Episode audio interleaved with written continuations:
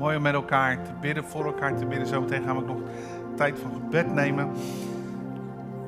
Ze willen wat delen. En uh, het is mooi om te zien hoe Jezus redt, bevrijdt. U maakt alles nieuw. En misschien is het u al een uh, paar keer opgevallen dat er uh, misschien soms wat geroezemoes even ergens in de zaal was. En dat u dacht van, waarom zitten die mensen te kletsen? Nou, het is Bertine. Ik zeg het gelijk even. Alleen ze doet dat met een goede reden, want we hebben twee gasten in ons midden. Julio en Lise, die uit Oekraïne komen. En hun Nederlands is net niet goed genoeg. Nou is ook het Oekraïens van Bertine niet zo goed, maar het is een gemeenschappelijke taal Engels. En daarom vertaalt zij vaak even. We zijn aan het kijken naar vertaalsetjes, maar daarom zal u soms dat even horen. En dan denkt u, oh wat fijn dat ik geroezemoezen achter me hoor, want er is iemand die het evangelie hoort.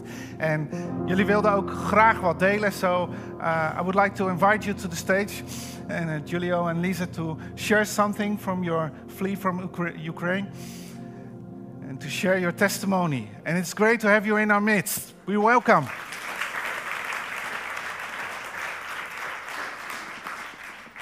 Because we heard you have an amazing story. And I'm going to do my best to translate in Dutch. Hello everyone. Hallo iedereen. Uh, we are here to telling our testimony. We zijn hier om ons getuigenis te delen. And to tell God's hands how He worked in our life. En hoe, hoe Gods hand in ons leven werkt. Yeah. In 24 of February we woke up uh, because of explosions and it was uh, really huge and we realized that the war start. Yes. A little bit shorter. Okay. My mind is not so big. So Op 24 februari werden ze wakker van explosies, grote explosies om hen heen. Yeah. Uh, we began to pack our things and call our families.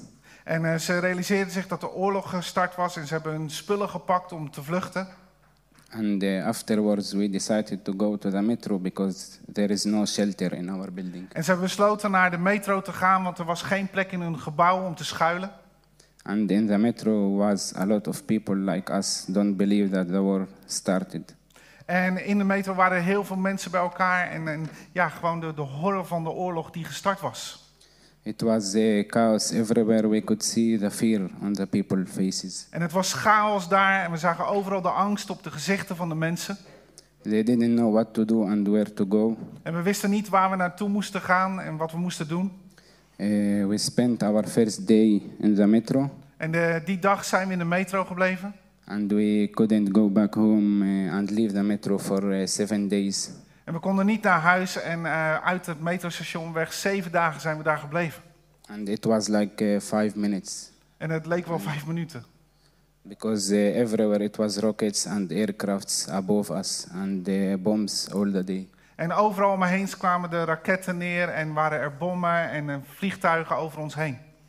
And we always stayed all seven days in the metro. We didn't see the sun and it was all day praying and hope that we could leave. En zeven dagen bleven we in de metro en hebben we het buitenlucht niet gezien. En het was hopen en bidden dat we daar konden vertrekken. And we kept hearing that people uh, it getting killed by Russian in all the roads with the buses. And En we konden horen hoe mensen vermoord werden op de weg door de Russen. until the seventh day, we had the feeling that we should leave, and my uh, mother texted me. En uh, na zeven dagen hadden we eigenlijk het idee dat we moesten vertrekken. En mijn moeder stuurde me een sms. that uh, she heard sound tell her uh, your son and Lisa should leave without worries. En ze hoorde a voice. She, Yeah. ja. She heard the voice. Ze, zij hoorde een, een stem met eigenlijk de boodschap dat haar zoon, hij en Lise zouden moeten vertrekken. En dat sms'te ze. And suddenly, in that moment, I saw one group that living walking in the metro. En precies op dat moment zag ik hoe een groep eigenlijk de metro verliet. And I went there to ask, and they told me you can leave uh, walking for three hours to the rail station underground. Ja. En ik ging naar ze toe en uh, ze vertelden dat we drie uur moesten lopen door de uh, metrogangen heen op weg naar een treinstation verderop. And finally, we arrived to railway station, En uiteindelijk kwamen we bij het treinstation aan. and we could take train to border with Poland for 20 hours on the train. En vanaf daar konden we de trein uh, nemen naar de grens en uh, 20 uur richting Nederland. And uh, after this, we could see God's hand, how He worked and help us go out from this war. En in dit alles konden we Gods hand zien die ons hielp om als het ware deze oorlog te ontvluchten.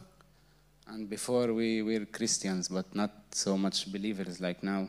En daarvoor waren we wel christenen, maar eigenlijk geen gelovigen zoals nu. And uh, we started to believe in Jesus, that He's the only one could do miracles, and because of Him, we are standing here and give our testimony. En daar begonnen we te geloven in Jezus en dat Hij wonderen kan doen. En daarom staan we hier om nu ons getuigenis te delen. And uh, everyone here should believe that Jesus is the only one could save and release us from the bondage. En iedereen hier moet geloven dat Jezus de enige is die kan redden en eh, bevrijden. And He will never uh, leave you. En Hij zal je nooit verlaten. And uh, thanks for the people in Netherlands and especially for Bertine and everyone here En we willen alle mensen in Nederland hier bedanken, maar speciaal Bertine, who welcomed us like very nice. die ons zo welkom hebben geheten. And uh, big thanks also for you that you give us the chance to talk. En bedankt eh, mij, ons, dat hier op de kerk, in de kerk deze mogelijkheid is om wat te delen. Pray for Ukraine, for the people. En onze vraag is bid voor Oekraïne, voor de Thank mensen. You. Thank you. Dank u wel. En we're not going to leave you from stage uh, uh, until we've prayed for you, because uh, last week you also shared that your family is in Ge- uh, Gerson. Uh, vorige week deelden ze dat uh, familie van Elise is in uh, Gerson, een opa, ouders en uh, zus nog, begreep ik, een broer. En daar is het ontzettend spannend. Soms hebben ze contact en soms ligt internet ineens voor vijf dagen stil. Weten ze dus niet hoe het is, of ze nog in leven zijn of niet. Did you recently were able to contact your family? So internet was working again. Okay, that's, that's great. Oké. Ja, en uh, de, de Russen luisteren voortdurend uh, mee. Ze checken uh, alle netwerken en zo. Dus dat is allemaal heel, heel spannend. En ik denk dat het goed is dat we met elkaar ook gewoon bidden voor hun familie, maar ook bidden voor de Oekraïne. En ik wil u vragen om ja, gewoon te gaan staan, dat we onze handen naar hen uitstrekken en voor hen bidden. I ask them to stand up and that we together pray for you and family. Yeah? Lord Jesus, we thank you for these precious people. We thank you that you saved them. And uh, on the right moment, there was that message to leave and to go to the railway station, and now they are here. But in the midst of all the chaos, you spoke to their hearts, and they came to believe a living belief, living faith. And we thank you for that. And we thank you for their testimony. And it encourages us. But we also want to stretch our hands towards them and towards their family, the family that's still in Gerson. And we pray that you will protect them and save them, that you will be there in the midst of all the chaos and the terror, that you will be there, that you will be the Savior, that you will be the one that comforts their hearts. We pray for them, Lord. And we also pray for Julio and Lisa when they are here, far away from home. But we pray that you will be with them and they are welcome in our midst, and that you will guide them, Lord. In Jesus' name. Amen. Amen. Amen. Thank you for sharing. And just welcome them every time. Yeah? Okay.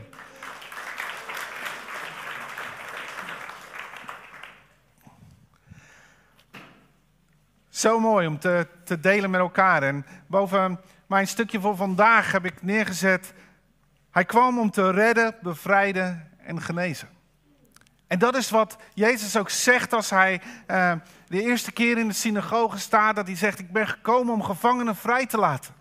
Ik ben gekomen om te redden. Ik ben gekomen om te genezen. Ik ben niet gekomen om te veroordelen. Ik ben gekomen om hoop te brengen. Ik ben gekomen om in uitzichtloze situaties opnieuw licht te brengen. Dat is uiteindelijk de, de key boodschap van Jezus.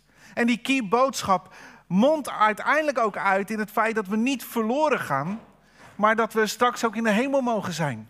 Maar we zouden zijn boodschap tekort doen als er alleen maar is de redding op het moment dat we soort sterven en dat we dan naar de hemel gaan of niet, zeg maar. Dan zouden we zijn boodschap beperken. Die boodschap, dat is zijn boodschap, maar die boodschap van redding, genezing en bevrijding begint vandaag. Begint vandaag. En hij liet die boodschap starten in de levens van mensen die hij, hij tegenkwam. Hij kwam te redden, te bevrijden en genezen. En over die drie dingen wil ik vandaag wat zeggen. En de eerste is, hij kwam te bevrijden. En op een dag is er een moment dat Jezus naar de synagoge gaat. Dat deed hij niet soms. Mooi is er in de Bijbel te zien dat Jezus was gewoon om, nou ja, niet op zondag dan, maar op zaterdag. Jezus bezocht zijn kerkdiensten. Mag ik het zo zeggen? Jezus bezocht zijn kerkdiensten. Denkt u echt dat hij er wat nieuws leerde?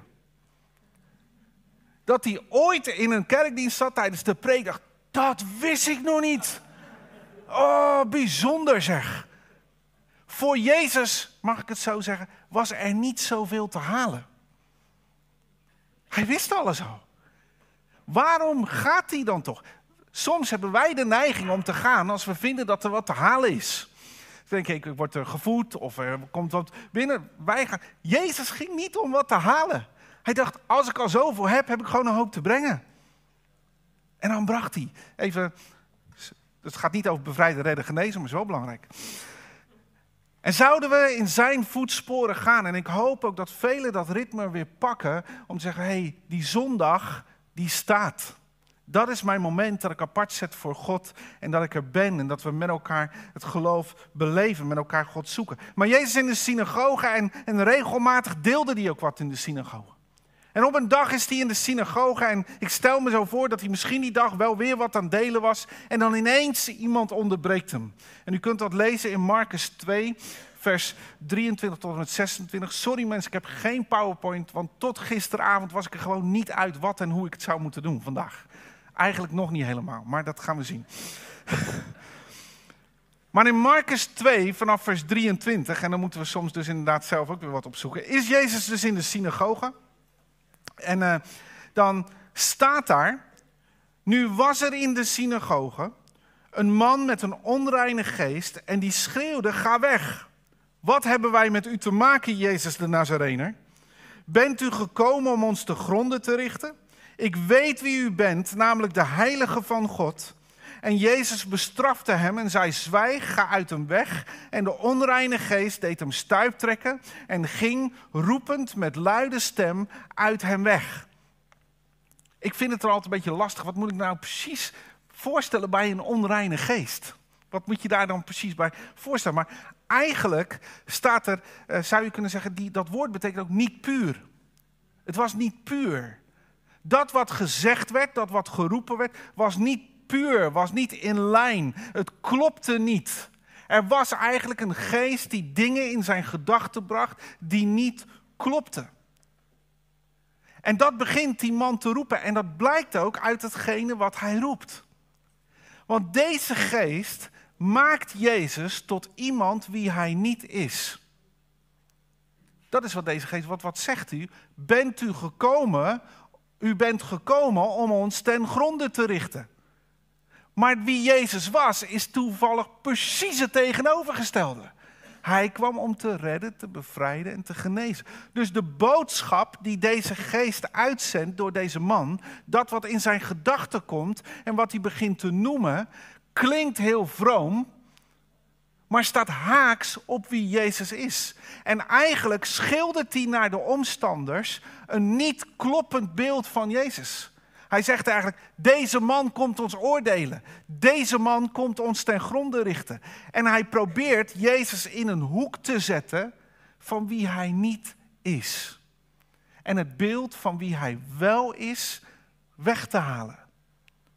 En dat raakte me toen ik daarover nadacht. Want hij zegt namelijk, ik weet wie u bent. Maar uit zijn woorden blijkt dat hij helemaal niet weet wie Jezus is. Hij heeft geen idee wie Jezus is. Want alles wat hij benoemt klopt niet over Jezus. Maar hij zegt, ik weet wie u bent. U komt om ons ter gronde te richten. En dat moet je je voorstellen dat iemand hier in de dienst opstaat en dat begint te roepen, dat, dat doet iets. Doet ook even iets met de sfeer. Met elkaar, toch? En En het kan heel veel stuk maken. En dit is wat ik denk bedoeld wordt. In deze man waren er gedachtepatronen geïnitieerd door de vijand, die, die binnenbrengt om een ander beeld te brengen, om mensen om een dwaalspoor te brengen en Jezus te maken tot iemand wie hij niet is. Jezus kwam om te redden. Maar dit denken, deze geest, die soms vast kan zitten in onze gedachten, verdraait wie Jezus is en brengt een ander beeld van Jezus. En toen ik hierover nadacht, dacht ik, het eerste volgens mij waar God ons van wil bevrijden, is soms ook van gedachtepatronen die de vijand de kerk heeft binnengebracht en die de vijand christenen heeft binnengebracht. Gedachtepatronen die Jezus vertekenen die Jezus anders maken, die het beeld van God anders maken. En de vijand wil zo graag ongezonde gedachtepatronen in ons hoofd plaatsen. En in het Engels heb je daar het mooie woord strongholds. En ik kon er gisteren niet op komen wat Nederlands, maar het is bolwerk natuurlijk. Uh, uh, wil als het ware bolwerken, schansen opwerpen in je gedachten. Uh, en, en daar gedachten plaatsen, dingen die vastzitten in je hoofd. En hij wil een beeld van God plaatsen van wie hij niet is. Jarenlang zijn mensen in de kerk doodsbang geweest voor God. En was het geloof gefundeerd in angst. Want God oordeelt me en dan ga ik verloren en hij is boos op me en misschien kan ik het goed maken. En dat zijn gedachtenpatronen waarvan ik denk dat is eigenlijk een bezetting van een geest die niet uit God is en die daar binnenkomt. Jarenlang zijn er gedachten uh, geweest, en misschien soms nog wel in ons hoofd, maar dat was allemaal voor toen wat er in de Bijbel gebeurde. God geneest niet meer, God bevrijdt niet meer. Nee, dat was er om de gemeente te laten bloeien en ineens was het niet meer nodig. En het zijn strongholds, het zijn bolwerken die Jezus vertekenen. En ik denk dat we daar soms bevrijding van nodig hebben. Het zijn uh, strongholds die kunnen vertekenen hoe je denkt dat God naar jou kijkt. Of God je op waarde schat. Of je goed genoeg bent voor God. Mensen, je was goed genoeg voor God dat hij zijn zoon naar deze wereld stuurde. Zijn zoon in de ellende als het ware bracht. Zijn zoon in de dood bracht. Zijn zoon liet stierven aan het kruis. Daar was je waardevol genoeg voor. Daar was je goed genoeg voor. Is dat niet signaal genoeg van hoe hij naar je kijkt? Wat hij van je vindt. Dat zijn liefde voor jou oneindig is. En toch leven we zo vaak in ons hoofd met een beeld. God zal het wel niet door mij kunnen doen. Ik doe het niet goed genoeg. Ik ben niet waardevol genoeg. Ik ben niet waardig genoeg. En weet je, deze, als deze gedachten in ons hoofd kunnen komen, geeft het ons ook geen vrijmoedigheid om uit te stappen in de dingen die God ons wil aanreiken om in te bewegen. Dan voel je nooit goed genoeg. Ongezonde gedachtepatronen. Waar we soms hebben gezegd, ziekte is een straf van God. En, en, en God laat het maar gebeuren en je moet er iets van leren. Wie heeft zijn eigen kind ooit gestraft met ziekte? Wie heeft er gedacht, we halen even ergens wat, we gaan je ziek maken, want dat is goed voor je, daar leer je van. Welke vader of moeder doet dat bij zijn kind? En als ze het doen, sluiten we ze op. Toch? En dan halen we kinderen weg. En dan zeggen we, dit kan niet. En toch in onze, ergens in onze gedachten kan er plaatsvinden, oh maar God doet dat wel bij ons. Dat is de liefdevolle vader die voor ons zorgt. Ik heb er niet eens een zin voor. God straft niet met ziekte. God straft niet dat je ineens eens even dwars zit met iets. Alsof hij zijn gram wil halen. Dat, dat God het je moeilijk maakt. Nee, we leven in een gevallen wereld waar we te maken hebben met ziekte en met moeilijkheden, waar God aan jou en mijn zijde mee wil lopen. Dus ik zeg niet dat christenen er nooit mee te maken hebben, maar ik vind echt een stap tot te ver om te zeggen, nou God doet dat. En God vindt dat fijn om ons te vormen. Ik geloof wel dat alles je kan vormen in het leven. Een klein verschil in zin, maar een groot verschil in overtuiging in je hoofd. En deze, ik geloof dat God dingen wil herstellen in ons hoofd. Gedachtepatronen waar mensen voortdurend bang zijn. Bang voor de toekomst. Bang, angst die in hun hoofd als het ware een, een, een greep op hun gedachten krijgt door allerlei situaties. Ik geloof dat het van de vijand is. Die eigenlijk op een of andere manier voor elkaar krijgt om te vertekenen de grootheid van God, die er in alles zal zijn wat je ook overkomt in het leven. Ik zie meer dan ooit als ik zie hoe, hoe stress en burn-out zoveel mensen raakt op steeds jongere leeftijd. En ik geloof dat, dat het ook strongholds in onze gedachten zijn die de vijand daar plaatst. Soms van dat we maar alles moeten en dat we mee moeten en dat we moeten voldoen. En ik geloof dat net als bij deze, we bevrijding soms nodig hebben. En God wil gaan bevrijden in de gedachtenlevens van mensen. Wil gaan aanraken. Jezus wil ons denken herstellen.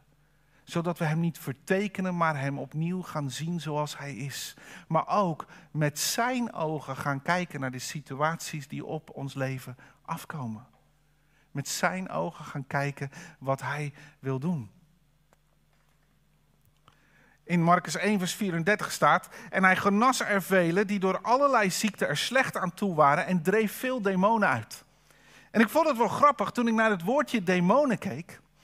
Toen stond daar in, de, uh, in het Bijbelcontaar stond het volgende: ja, het is een, een geest inferieur aan God, maar superieur aan de mens. En toen dacht ik, dat is precies wat gebeurt. En omdat hij zich superieur opstelt naar ons, die gedachte dat wat de vijand op onze levens afvoert, denken we ook dat hij superieur is aan God denken we soms ook, dit is zo groot wat er gebeurt. Maar ik vond het zo mooi wat er eerst stond, inferieur aan God. God is altijd groter. Maar wie geloven wij?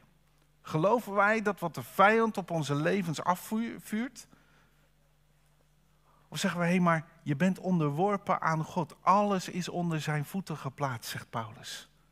Alles is onder zijn voetenbank geplaatst. Hij regeert over alles. En ik denk dat God als eerste in onze gedachten ons terug wil brengen in, uh, in een positie van autoriteit. En waar dit soort, volgens mij, demonische gedachten gebroken gaan worden over levens. Losgemaakt gaan worden over levens. Zodat je leeft. Misschien mag ik dan een klein beetje verklappen. Het thema van volgend jaar wordt leef met een uitroepteken. Niet levend, leef. En ik geloof dat God dat ook zegt tegen jou eh, en mij. Sorry als ik nu verklapt, verklapt heb, maar. maar we, we geloven dat dit zo belangrijk is, dat God ons niet alleen levend wil maken, maar ook zegt: leef. Pak die autoriteit van leven. Jezus wil ons denken bevrijden en ik geloof dat hij daar vandaag wat in wil doen. Het tweede wat hij wil doen, is hij wil redden. En kijkt u even met mij mee naar Marcus 2, vers 14. Die mag u even met mij opzoeken. Marcus 2, vers 14. Dat is leuk, dan kunnen we gewoon weer onze Bijbel gebruiken als het even niet op de beamer staat. Als je hem bij hebt natuurlijk.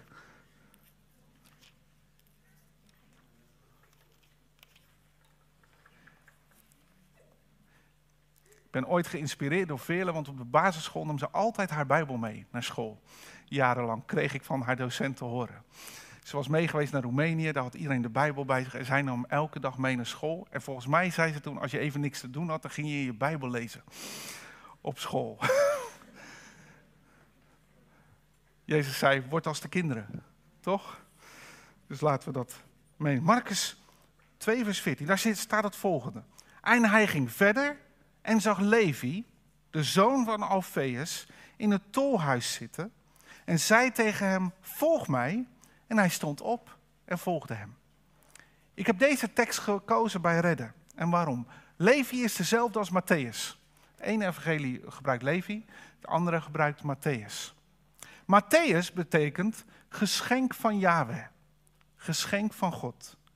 Levi betekent aangesloten joined, bij elkaar gebracht.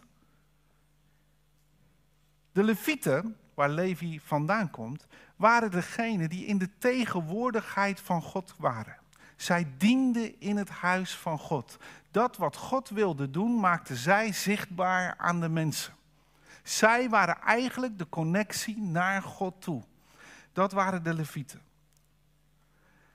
Waar vinden we Matthäus, slash Levi? In het tolhuis. Niet in het godshuis.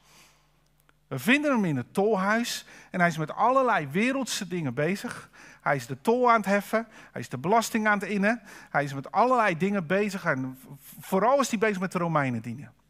Daar vinden we Matthäus. En wat doet Jezus? Hij roept hem weg bij het tolhuis. Hij zegt, Matthäus, kom, volg mij. En ik zou eigenlijk zeggen, op dat moment wordt Matthäus weer een Levi. Op dat moment raakt hij weer aangesloten bij waar hij voor bedoeld is. Op dat moment eh, zou je eigenlijk kunnen zeggen, Matthäus was een geschenk van God voor de wereld, maar leefde in het tolhuis. Hij vergooide zijn leven eigenlijk in het tolhuis. Ik geloof dat jij een geschenk voor deze wereld bent. Heb je dat wel eens tegen jezelf gezegd in de spiegel? Ik ben echt een geschenk voor deze wereld.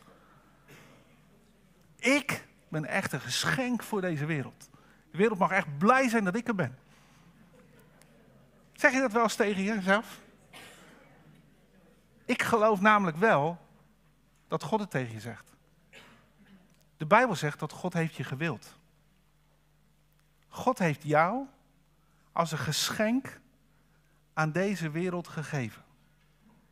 Eigenlijk zegt God als een kind geboren wordt, hier is er weer eentje naar mijn beeld. Hier is er weer eentje die op mij lijkt. Hier is er weer eentje die mij kan weerspiegelen. Jij bent een geschenk voor deze wereld. Alleen we leven soms niet in het godshuis, maar heel veel mensen leven in een tolhuis. Zijn hun hele leven druk met allerlei wereldse dingen en zijn zich helemaal niet bewust dat ze een geschenk van God voor deze wereld zijn. En dat ze, Heer, hoe kan ik uw beeld weerspiegelen? Heel veel zijn er helemaal niet meer mee bezig. En zijn gewoon bezig met leven in deze wereld. En dan word je vanzelf een keer 80, hopen we dan. Misschien iets ouder, misschien iets jonger, en dan is het op. Dan is het over. En dan hebben we geleefd. Je bent een geschenk van deze wereld, maar niet bestemd voor het tolhuis. Miljoenen mensen hier buiten zijn een geschenk van God aan deze wereld, maar leven in het tolhuis. Wat als we ons dat gaan realiseren? En ze komen niet tot de bestemming die God eigenlijk over hun leven gelegd heeft toen ze geboren werden. Iedereen is een geschenk voor deze wereld. Maar sterker nog, dit geldt niet alleen voor ongelovigen die Jezus wil redden. Want de Bijbel zegt, en hij kwam naar deze wereld, God gaf zijn zoon opdat de wereld niet verloren gaat, bij het tolhuis blijft. De Dane vertaling. Bij het tolhuis, maar eeuwig leven krijgt. Zoveel mensen blijven leven bij het maar ik zie het ook onder christenen. Er zijn soms gelovigen die een geschenk zijn voor deze wereld, maar het grootste gedeelte van hun leven gewoon besteden in het tolhuis. En niet bezig zijn met, maar waar is mijn bestemming in Gods huis? Waar is mijn bestemming dat ik Gods beeld kan laten zien? Oh, zeg je dan nu, Danny, dat je geen carrière meer mag maken? Nee. Je mag heel veel carrière maken, maar heb je eerst met God overlegd of het de weg voor je leven is? God, is, is, dit, is waar ik voor moet gaan? Is dit wat u opent? Is dit waar ik getuige mag zijn van u? Want aan het, aan het eind gaat het daarom. Wat heb ik met mijn leven uitgedeeld? En wat, wat is. En Jezus brengt Levi terug en zegt: Je bent een leviet. Je bent bedoeld om God te weerspiegelen. En zo geloof ik ook dat God, en ik ga er niet te veel over zeggen, maar vandaag Matthäus wil wakker maken om niet alleen een Matthäus te zijn, maar ook een Levi. En zeggen, ik ga hem opnieuw aansluiten. Ik ga me inzetten. Ik ga het beeld van God ga ik, uh, op mijn werk ga ik laten zien. God, als u me daar plaatst, hebt u daar een bedoeling, dan ga ik ervoor. Wat het me uh, ook kost. Dan ga ik iets van u weer spiegelen. Maar ook, God, u heeft me geplaatst in een huis, in een gemeente. Hoe mag ik uw godsbeeld, mag ik daar weer spiegelen? Naar wie? Op welke manier? Ik heb daar vorige keer even wat over gezegd over onze kinderen. Maar er zijn veel meer plekken. Dus zegt, ik wil ook in uw godshuis wil ik dienen. En mijn eerste vraag is: denkt u dat de Levieten alles leuk vonden wat in de tempel moest gebeuren? Dat ze daar altijd een warm en fijn gevoel over hadden? Nee, maar ze deden het voor hun God. Laten we opnieuw ook levens worden. Ik geloof dat mensen, dat God niet gelovigen wil redden, omdat ze Matthäus zijn, zodat ze een Levi zullen worden. Maar ik geloof ook vandaag de dag dat Jezus mensen wil redden die een Matthäus zijn en wel gelovig zijn, maar eigenlijk nog niet joint nog niet aangesloten. God heeft een plan met jouw leven. God wil door jou redden, genezen en bevrijden. En dat vond ik woensdag zo mooi toen we hier met elkaar waren. Waren we gewoon met z'n allen aan het bidden. Met z'n allen waren we aan het bidden voor mensen en op de bres aan het staan en met elkaar aan het uitreiken. De derde, want ik let op mijn tijd. Genezen. En dat vinden we soms wel lastiger, genezen. Maar we kunnen er niet omheen. Even een paar teksten achter elkaar. Matthäus 4, vers 24. En het nieuws over hem verspreidde zich in heel Syrië. En alle die ergens aan leden en die gekweld werden door een ziekte of door pijn. En ook bezetenen en maanzieken en verlamden werden bij hem gebracht en hij genas hen. Matthäus 8, vers 16. Bij het vallen van de avond brachten ze vele bezetenen bij hem. Met een enkel bevel dreef hij de geesten uit. En alle die ziek waren, genas hij. Matthäus 9, vers 35. Jezus trok langs alle steden en dorpen en gaf er onderricht in de synagogen, verkondigde het goede nieuws over het koninkrijk en genas iedere ziekte en alle kwaal. Matthäus 12, vers 15. Grote massa's volgden hem en hij genas allen. En enzovoort, enzovoort, enzovoort, enzovoort. Je kan er niet omheen dat een groot deel van de bediening van Jezus ging ook over genezing. Het ging over redding, bevrijding, maar het ging ook over genezing. We kunnen het niet uitgummen. Wordt je Bijbel korter van als je dat doet. En eigenlijk in Exodus zien we al dat God zegt: Ik ben uw heelmeester. En als Jezus dan naar de hemel gaat, zegt hij Marcus 16. En hen die geloofd zullen hebben, zullen deze tekenen volgen. In mijn naam zullen zij demonen uitdrijven. In vreemde talen zullen ze spreken. Slangen zullen ze oppakken. En als ze iets dodelijks drinken, zal het hun beslist niet schaden. Op zieken zullen zij de handen leggen. Ze zullen gezond worden. Jezus geeft ook de boodschap door. En nergens zie je dat, dat ergens in, in uh, het Nieuwe Testament God zegt, en nu is het genoeg. Dus het is, het is een wezenlijk onderdeel van, van de bediening die God en die Jezus aan zijn discipelen geeft. En ik geloof, ik wil, God wil genezen. Ik geloof niet dat God veranderd is. Ik geloof niet dat God zegt, nou, na 2000 jaar ben ik wel een beetje moe. Doe even rustig aan. Geloof ik gewoon niet. Ik geloof dat God nog steeds wil redden, bevrijden en genezen. Mijn God is niet veranderd. Hij is dezelfde toen, nu en tot in eeuwigheid. En Jezus roept ons op om in zijn voetsporen te gaan. En je ziet dat ook in de boodschap van Jezus ook vaak bevrijding, redding en genezing een manifestatie is van het koninkrijk die eigenlijk heel gewoon was. En ik geloof eigenlijk dat het iets heel gewoons ook in de kerk, in de gemeente van Jezus zou moeten zijn. Dat we ons daarmee ook bezighouden. Dat het er gewoon zou moeten zijn. Niet eens bijzonder zou zijn. Dat we bijna zeggen tegen Anna: joh, leuk voor je. Maar er zijn nog dertig hè, die wat willen vertellen. Dat zou toch mooi zijn als, we dat, als dat zo ging. En tegelijkertijd is het ook een heel lastig onderwerp. Want en daar wil ik niet omheen. We zien ook dat we vaak bidden en mensen niet genezen. En dat maakt het onderwerp best heel lastig en een heel kwetsbaar onderwerp. En ik heb dat in mijn eigen leven ooit meegebracht. Hè. Ik heb vorige keer verteld, mijn, mijn voet groeide drie maten aan. En ik hoefde niet geopereerd te worden. En twee jaar later groeit hij gewoon weer fout. Snapt u het? Ik snap er helemaal niks van begrijp er helemaal niks van. En als tiener ging ik vol geloof, ging ik op gebedsavonden, ging naar voren toe.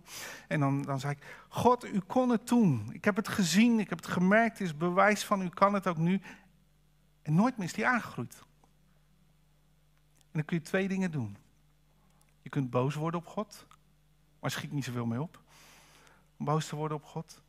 Of je kunt zeggen, kan ik het waarom loslaten? Want er is geen antwoord soms.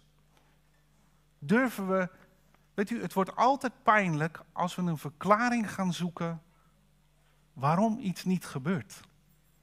Simpelweg omdat we het eigenlijk niet weten. En op het moment dat je het gaat verklaren, ga je meestal pijn doen. En, er zijn veel verklaringen geweest, er is niet genoeg geloof. Als eerste kreeg dan degene die ziek was de schuld, dat hij te weinig geloof had. Dat is wel makkelijk als je bidt, want het ligt in ieder geval niet aan jou. Dus dan kan je vol vreugde zelf naar huis. Maar degene die ziek naar voren kwam, die gaat met een dubbele lading van niet zo'n positief gevoel naar huis. Want hij was al ziek en vervolgens heeft hij het ook nog niet goed gedaan.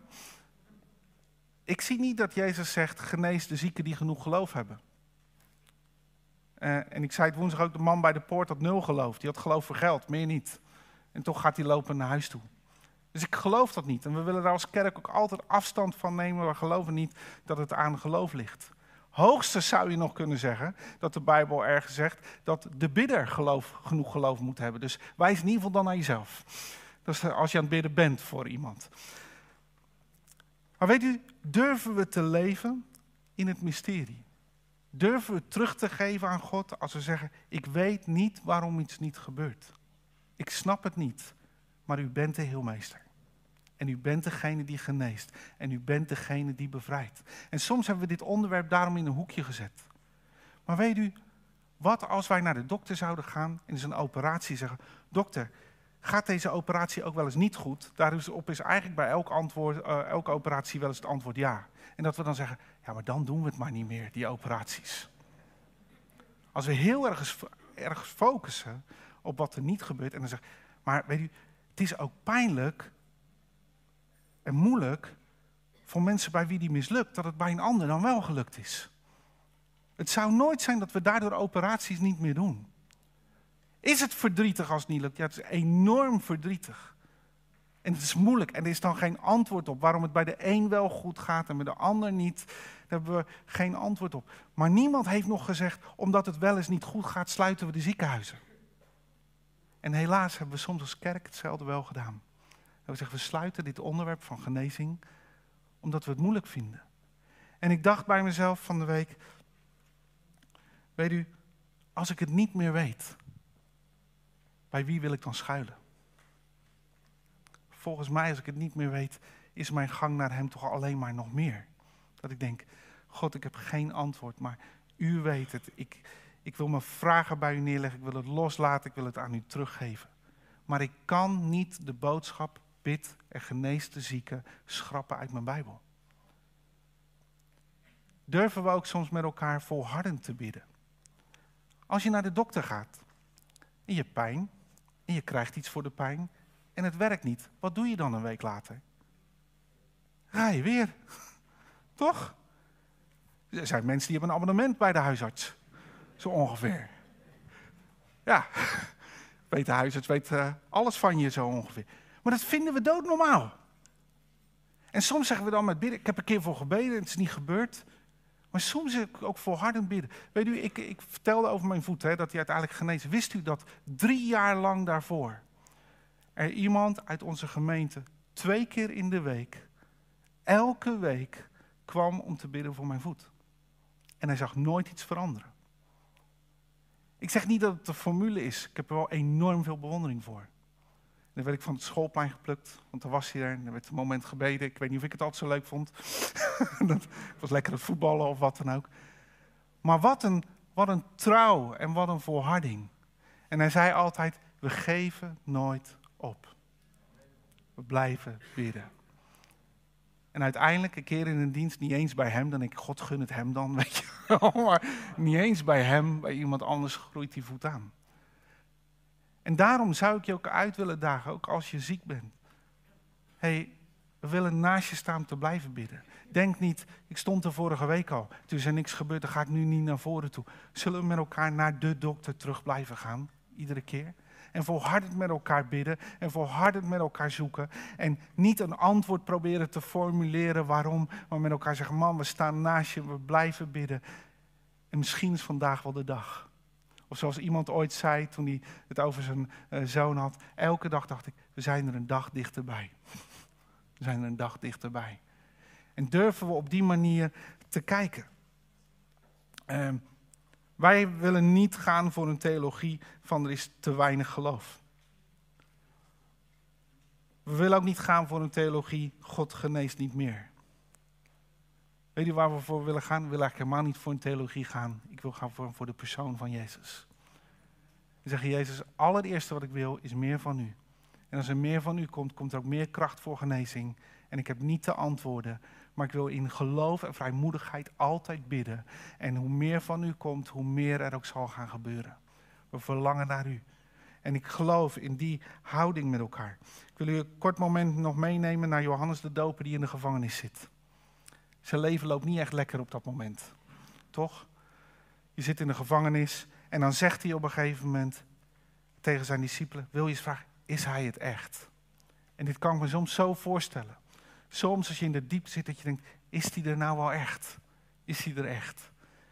En dan zegt Jezus tegen die discipelen als ze teruggaan: Zeg tegen hem, tegen Johannes: De lammen lopen, de blinden zien en de oren gaan open. Dat is een lekkere boodschap. Als je zelf in de gevangenis zit. Dus je hebt gevraagd, Jezus, bent u het? En dan komen discipelen terug. Hé, hey, we moesten van hem zeggen, de lammen lopen, de blinden gaan zien en de doven gaan horen. Hij is het. En hoe makkelijk was het voor Johannes geweest om op dat te denken? Ja, maar niet voor mij. Ik zou het gesnapt hebben ook. Want zo was, zijn, was de realiteit. Maar het mooie is dat Johannes pakt het beet. En denkt, hij is het. En ik laat los wat en waarom. Want ik heb het antwoord niet. Er is meer moed voor nodig om te leven in het mysterie met onze vragen naar God. Dan het proberen te beantwoorden en soms heel veel pijn bij elkaar te veroorzaken. Johannes werd nooit gered. Maar de lammen liepen, de blinden zagen en de doven hoorden. En mijn vraag is, als we straks met elkaar ook gaan bidden voor zieken. Ik zou willen dat 100% genas. En ik wil geen ongeloof uitspreken, maar ik wil wel eerlijk zijn. Er zijn ook mensen waar je voor bidt die misschien wel naar buiten gaan en niet genezen zijn. Kan. Ik hoop van harte van niet. Maar laten we reëel zijn. Maar kunnen we met elkaar naast elkaar staan, volhardend voor elkaar blijven bidden, elkaar supporten, elkaar dragen? En kunnen we blij zijn voor wat er gebeurt. Zoals Johannes blij was voor elke lamme, voor elke blinde, voor elke dove. Die ontving wie Jezus was. Terwijl het bij hem, voor zijn gevoel, er op dat moment toen nog niet was. Uiteindelijk liep hij ook de hemelpoort binnen. En kwam hij ze allemaal tegen. En zei hij, hey, hij was het hè. Hij was het. En ik, ik heb bewondering voor Johannes die dat los durft te laten. En ik zeg niet dat dat makkelijk is. Maar zullen we dat met elkaar proberen? Want ik vind het soms net zo moeilijk. Ik zoek soms vrijmoedigheid om te bidden voor, voor mensen, omdat er ook in mijn hoofd als van ja, ja. Maar durven in de bediening van Jezus te gaan staan, daarna uit te reiken. En te geloven dat Hij geneest en bevrijdt. Durven blij te zijn voor wat er gebeurt. En blij te zijn voor de wonderen die we wel zien. Voor wat er wel gebeurt in mensen. Weet u, wij zijn ook heel vaak gericht dat er op iets gelijk 100% moet zijn. En als je naar de dokter gaat en je krijgt iets voor de pijn, dan zijn sommige mensen dolgelukkig als de pijn de helft is. Toch? Zeggen, hoe is het? Nou, ik heb wat gekregen van de dokter. Echt een stuk minder. Ik ben er echt blij mee. En ik weet niet waarom, maar soms zie ik bij het bidden voor genezing hetzelfde ontstaan. Dat, dat, dat de pijn eigenlijk een stuk minder is. Ik las er van de week nog een artikel over een man die echt de helft minder pijn had. Hij zei, ik ben zo gelukkig, ik heb geen antwoord waarom God het niet helemaal heeft weggenomen. Maar ik heb de helft minder pijn. Durven we te vieren wat er wel is? Of zijn we soms Nederlanders die zeggen, ja, ik heb wel pijn hoor. Ja, durven te vieren wat er wel is? Of zijn we zo, soms zo sceptisch tegen elkaar uh, ingesteld dat Anna hier staat te vertellen over het niet zegt, het zal wel tussen de oren zitten, denk ik. Dat denkt ze dat het weg is. Soms zitten we zo, ik, mag ik het even zeggen, ik zit soms zo in elkaar als ik heel eerlijk ben. Maar durven we te vieren wat God doet? Zodat er geloof en verwachting ontstaat voor wat God nog meer kan doen. Ik heb daar verwachting voor. Want onze opdracht is redding, bevrijding, genezing. En vanmorgen zou ik met elkaar ook gewoon willen bidden voor redding, bevrijding en genezing. Ik wil je vragen om je ogen te sluiten. Dan gaan we de Heilige Geest uitnodigen. Heilige Geest. Ik wil u uitnodigen op dit moment. U bent, u bent degene die de hemel naar, naar hier brengt. U bent degene die de connectie maakt. En Heilige Geest, ik nodig u uit om hier in ons midden te komen. En ik geloof dat u wil bewegen. Ik geloof dat u wil aanraken. Ik geloof dat u wil redden, bevrijden en genezen. Hier en vandaag willen we, willen we focussen op wat u doet. Help ons, Heer, om blij te zijn voor misschien wat er in de ander gebeurt. Help ons om blij te zijn te vieren wat u doet. U bent de God van kracht. En Jezus, u bent niet veranderd. U bent precies dezelfde. En ik bid, heren, dat de obstakels in ons hoofd, die de vijand daar soms plaatst, die ons een vertekend beeld geven van wie u bent, dat u die slecht in de naam van Jezus. Nu is het slecht. Is zo mooi hoe Jasper dat al aangaf, net voor de aanbidding. U slecht obstakels in het hoofd van mensen. Dat we zullen zien zoals u bent.